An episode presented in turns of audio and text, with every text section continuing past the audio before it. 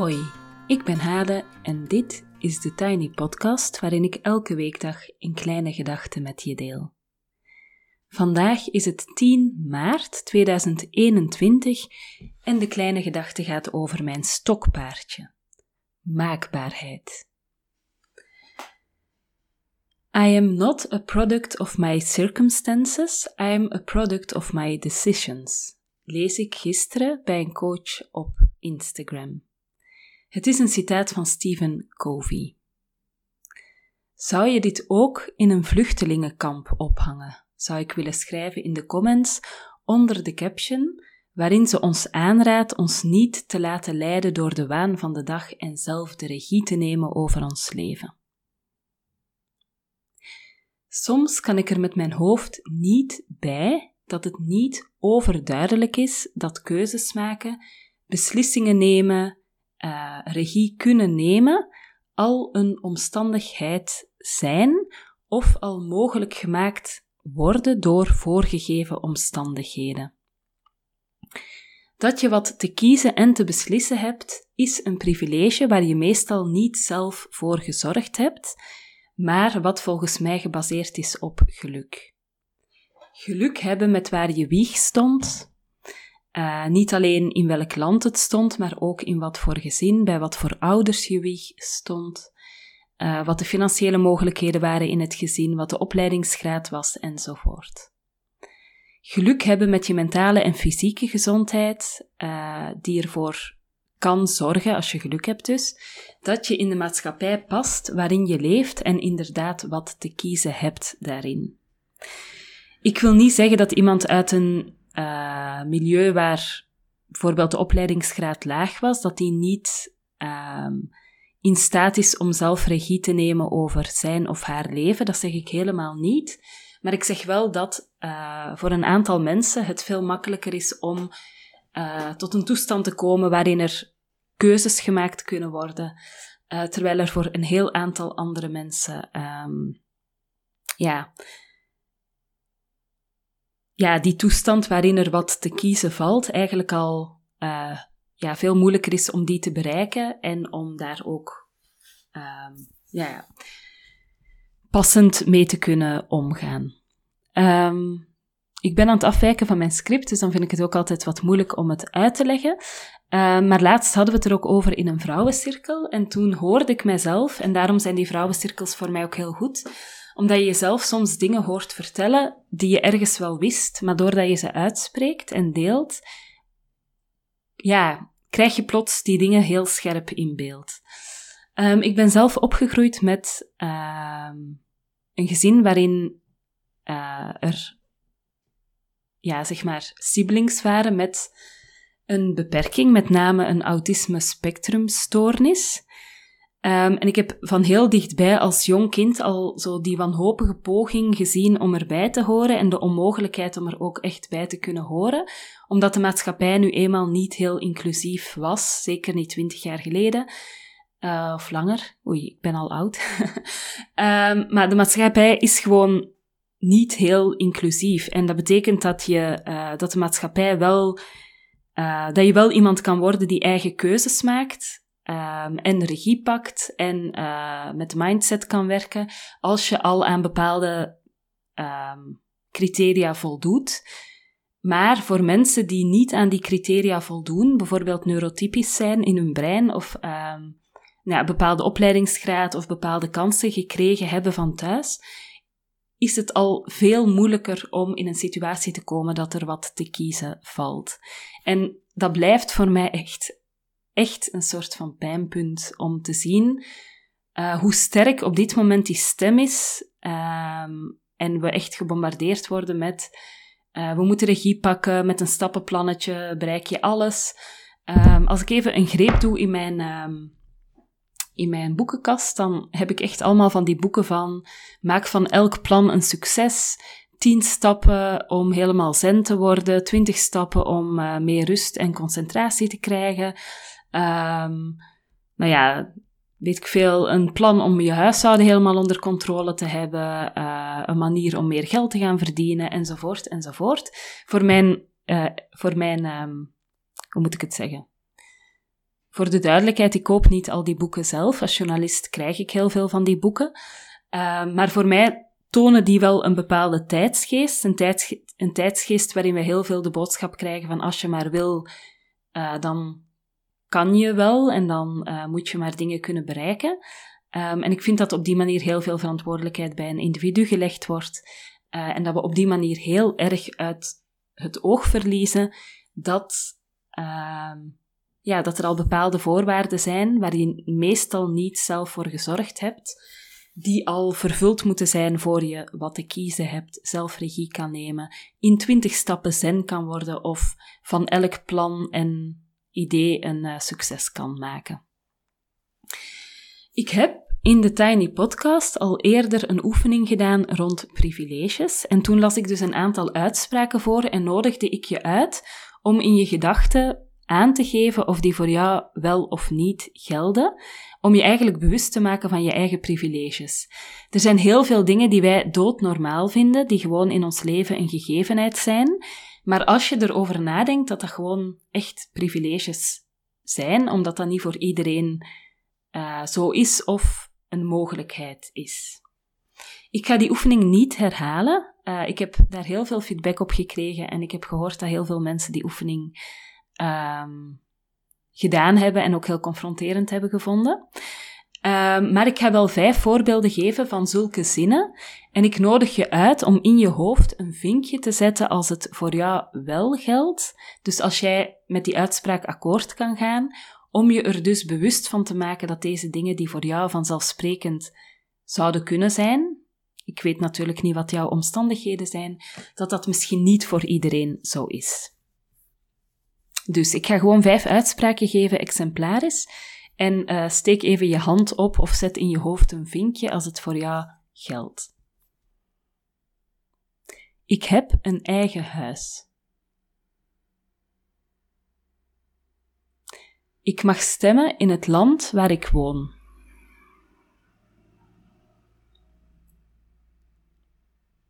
In mijn gezin van herkomst werd de krant gelezen en of het journaal gekeken.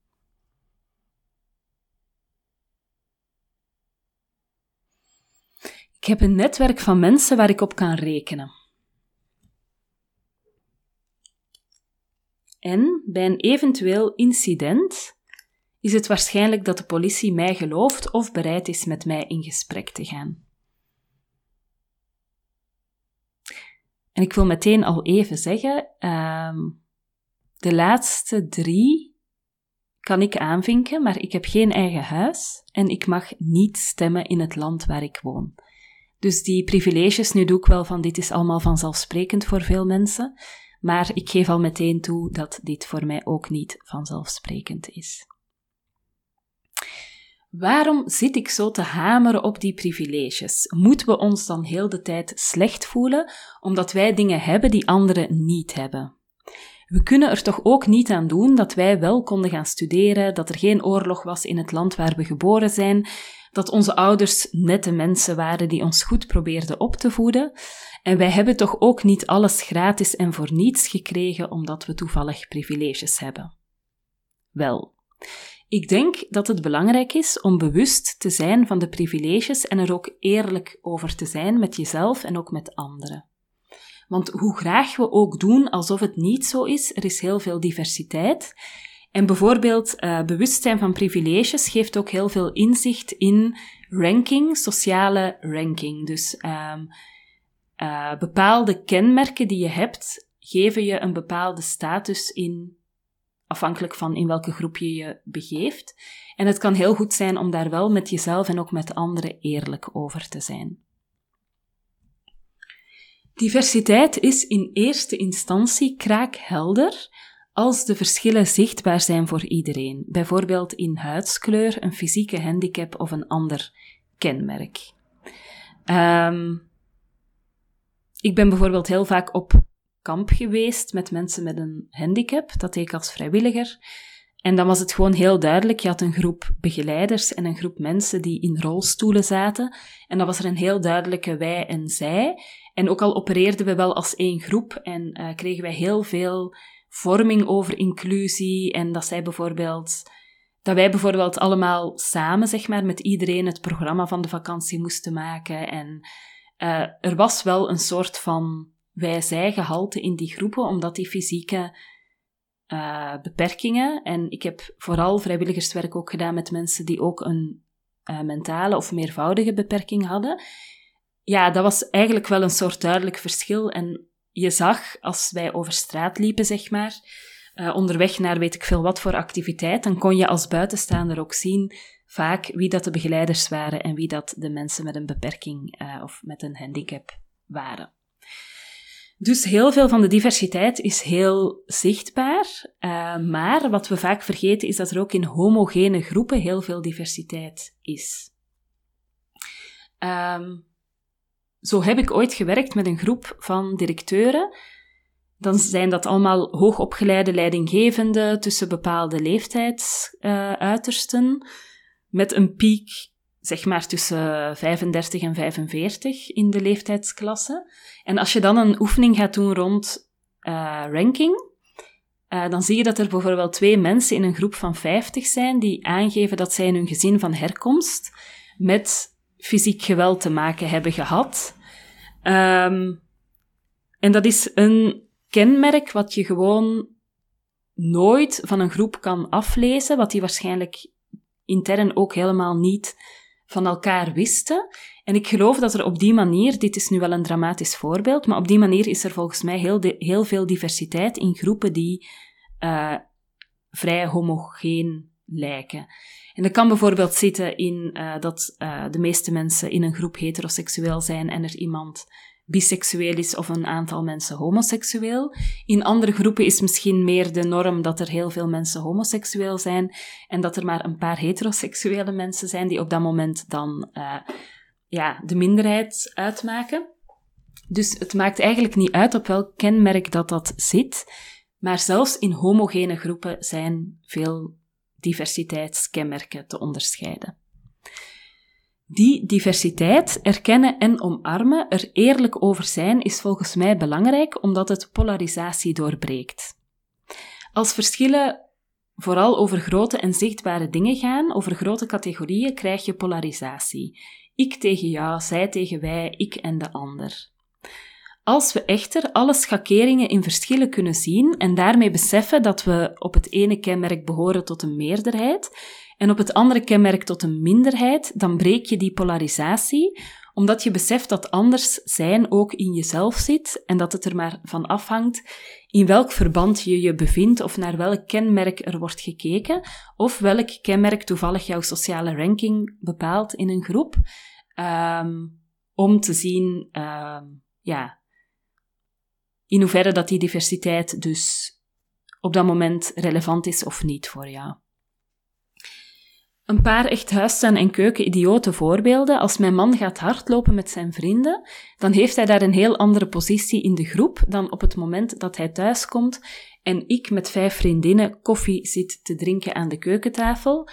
Uh, dus dan stapt hij eigenlijk echt van de ene positie naar de andere. Um, dit is trouwens een fictief voorbeeld. Mijn man loopt wel hard, maar ik zit nooit met vijf vriendinnen aan tafel koffie te drinken, want we hebben natuurlijk die coronacrisis. Als ik een workshop geef aan 100 mensen, um, dan behoor ik tot een meerderheid wat bepaalde kenmerken betreft van mezelf uh, en een minderheid wat andere kenmerken betreft. Bijvoorbeeld, de meeste mensen in een groep hebben, weet ik dan, uh, door de doelgroep en door thema waar we het over hebben, die hebben een partner en een gezin. Dus op dat vlak hoor ik tot een meerderheid, want ik ben ook een vrouw met kinderen en met een partner Ehm, maar ik woon bijvoorbeeld als Vlaamse in Nederland, dus ik ben een migrant.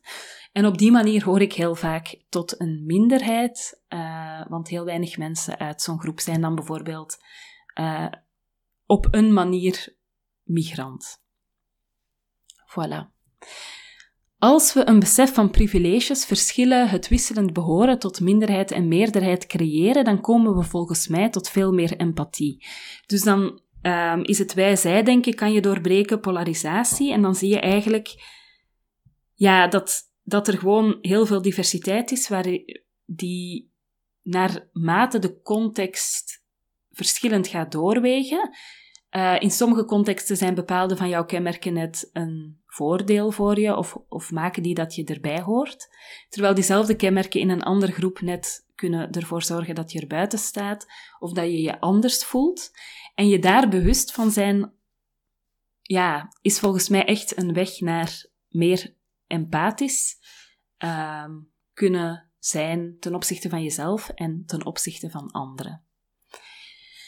En ik denk ook echt, als we meer empathie krijgen, dan denk ik dat die kort door de bochten uitspraken, zoals waar ik vandaag begon. I am not a product of my circumstances, I am a product of my decisions. Dat die toch misschien veel meer nuances kunnen krijgen, of dat er tenminste een besef kan komen dat het al een luxe is om die te kunnen geloven en dat het eigenlijk al een privilege is als, je, als het voor jou zo werkt. Voilà.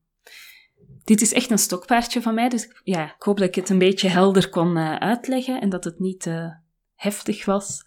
Um, en ik mag vandaag ook wel nog afsluiten met wensen rond Vrouwendag. Het was maandag Vrouwendag.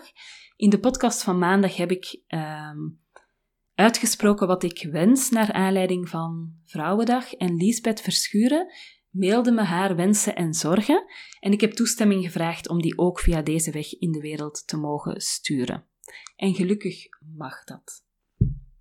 Hier komen de wensen van Liesbeth Verschuren. Ik wens dat ik niet meer hoef uit te leggen aan mijn zoon van acht, die vol ongeloof aanhoort op de radio dat vrouwen 14% minder verdienen dan mannen voor hetzelfde werk en echt met een gezicht vol vraagtekens naar mij kijkt: waarom? Waarom? En ik die echt geen verlossing kan bieden, want het valt gewoon niet uit te leggen. En de dochter van zes blijft ongewoon stil. Ik wens dat dit iets is uit de geschiedenisboeken als zij ooit gaan werken. Ik wens dat vrouwen niet langer onzichtbaar zijn in de geschiedenisboeken. Ik bedoel dat dit voor alle vakgebieden, ik, ik, bedoel dit voor alle vakgebieden, maar ben het meest vertrouwd met het mijne, architectuur. Nogal een mannenwereld bij uitstek. Wist je dat het moderne Bauhaus vooruitstrevend wilde zijn en vrouwen toeliet in hun opleidingen? Officieel in alle opleidingen, officieus in alle behalve de architectuur. Vrouwen die architectuur wilden doen, werden geduwd richting meubelontwerp. Architectuur bleef geassocieerd met het mannelijke. Weet je dat ik dat een eeuw later nog altijd krijg? Als ik zeg dat ik architect ben, ah, interieurarchitect? Nee, dan had ik dat wel gezegd, toch? Ik ben burgerlijk ingenieur-architect. Oh, het wordt stil aan de overkant. En dan bouw je huizen. Soms, maar eigenlijk vooral scholen. Nog stiller aan de overkant. Het Vlaamse Architectuurinstituut lanceerde onlangs Wiki Women Design om op, te gaan, uh, om op zoek te gaan naar de vergeten vrouwen in de geschiedenis. Een mooie poging om het hiaat op te vullen. En ik dacht toen, welke vrouwelijke Belgische architect ken ik uit de geschiedenis? Niet één, nul, geen. Vijf jaar universiteit. Welke vrouwen passeerden er in de les? Enkel Denise Scott Brown kan ik me herinneren. Een vrouw die trouwens heeft moeten vechten om mee vernoemd te worden, niet enkel haar man. Elaine Gray ook, maar dat was enkel omdat ik een keuzevak volgde over gender en architectuur. Enkel die twee, terwijl de helft van de architect sorry, architectuurstudenten sinds de jaren 90 vrouwen zijn. Ik wens ook meer vrouwen op straat. Net als de architectuur is ook de openbare ruimte geassocieerd met het mannelijke en de vrouw met het huis. Nochtans geschiedkundig een vrij recente constructie, Victoriaans, maar wel nu nog ingebakken. In de openbare ruimte vertaalt zich de onzichtbaarheid. Geen vrouwelijke standbeelden, althans niet met naam, enkel naakte schoonheden, amper straatnamen, dankjewel Sophie Lemaire om dit aan te kaarten in een tv-programma, minder openbare toiletten voor vrouwen dan voor mannen, ja zelfs minder voor vrouwen dan voor honden. Verwonderlijk dat vrouwen zich niet veilig voelen, in een ruimte die gewoon niet voor hen is gemaakt. Ik wens dat we die ruimte claimen, ruimte voor meer vrouw, letterlijk en figuurlijk. En ik wens dat onze kinderen die ruimte gaan hebben.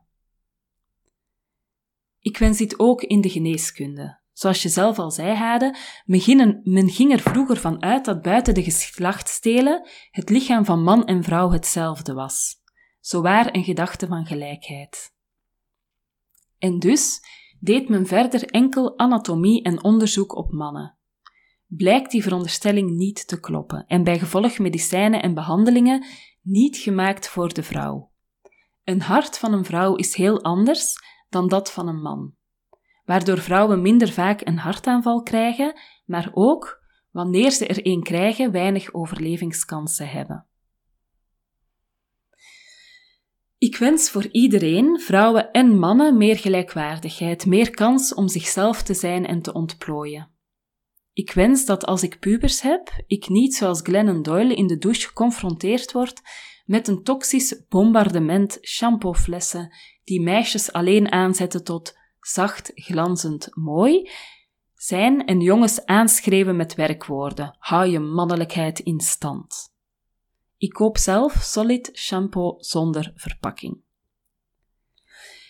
Ik wens dat ik niet meer bang word in de winkel als mijn zoon een t-shirt wil kopen met frullen of zelfs een rokje. En ik wens dat mijn dochter de vurige, wilde, luide flapuit blijft die ze is. Dat zijn veel wensen, hè? En tranen, want hij stond ermee, mijn zoon, met dat t-shirt. En ik heb het niet gekocht. Tot daar de wens van Liesbeth, en ik ben ook even heel erg geraakt door het laatste zinnetje. Um, en ik wil ook nog wel een aanvulling doen. Um, dat stukje over mannen en vrouwen, dus enerzijds uh, in de geneeskunde bedoel ik, uh, is er wel van uitgegaan dat mannen en vrouwen hetzelfde zijn. Anderzijds, voor bijvoorbeeld uh, het testen van medicatie, bleek de cyclus van vrouwen te veel variatie te geven in reactie op medicatie, waardoor er gemakkelijkheidshalve vooral op mannen is getest. dus vooral proeven zijn gebeurd met mannen. En we eigenlijk dus als vrouwen medicatie voorgeschreven krijgen die vaak eigenlijk voor mannenlichamen of enkel op mannenlichamen zijn getest. En dat heeft te maken met die, met die cyclus van hormonen, waardoor een vrouwenlichaam um, ja, toch verschillend kan reageren. En wat er ook mee te maken heeft, is dat uh, bij een vrouw vaak de kans ook is dat ze zwanger is en uh, er natuurlijk ook de veiligheid ingebouwd is dat je geen medicatie gaat uh, testen op iemand die potentieel zwanger is en dat dat potentieel dus ook gevolgen heeft voor het ongeboren kind. Dus dat is ook wel een nuance daar om mee te nemen. Liesbeth, heel erg bedankt voor jouw wens en ik kan mij echt helemaal bij jou aansluiten. Ik heb nog een wens gekregen in mijn uh, inbox. Uh, ik heb even toestemming gevraagd of ik die ook met jullie mag delen. En ik wil jullie ook echt uitnodigen of ja, misschien heb je ook een wens, misschien heb je een aanvulling. Uh, mail maar naar thetinypodcast.gmail.com en dan neem ik die wensen heel graag via deze weg mee, als dat van jou mag, en stuur ik die heel graag de wereld in. Ik sluit de podcast af voor vandaag. Ik verwijs je nog heel graag naar de Silent Mornings van volgende week. Via het linkje in de show notes kan je je inschrijven. Dan starten we vanaf maandag zeven dagen op rij de dag samen met een begeleide stilte, wat overigens niet hetzelfde is als een meditatie. En als je denkt, hoe, zeven dagen op rij om uh, zes uur aan mijn computer, uh, dan kan je ook kiezen voor de gratis sessie inchecken op maandag op 22 maart, waar je gewoon één keer mee kan doen van 6 tot 7 in de ochtend. Ook daarvoor vind je een linkje in de show notes. En er is nog meer leuks. Op 31 maart van half negen tot tien, die keer is het de avond, geven Tamara Leenaerts en ik een webinar met de titel Sister Code over spinnenwebben en krabbenmanden. En dat gaat erover hoe groepen van vrouwen uh, toxisch kunnen zijn. Dus het kan in groepen van vrouwen behoorlijk uit de hand lopen met bepaalde dynamieken. Uh, elkaar klein houden is er zo één. Of uh, één vrouw die de lead neemt en als een queen bee gaat opereren. En het kan in groepen van vrouwen ook net heel goed gaan. Dat je eigenlijk een soort empowerende sisterhood met elkaar kan hebben. En daar gaat dat webinar over. En we gaan niet alleen uitleg geven, we gaan ook.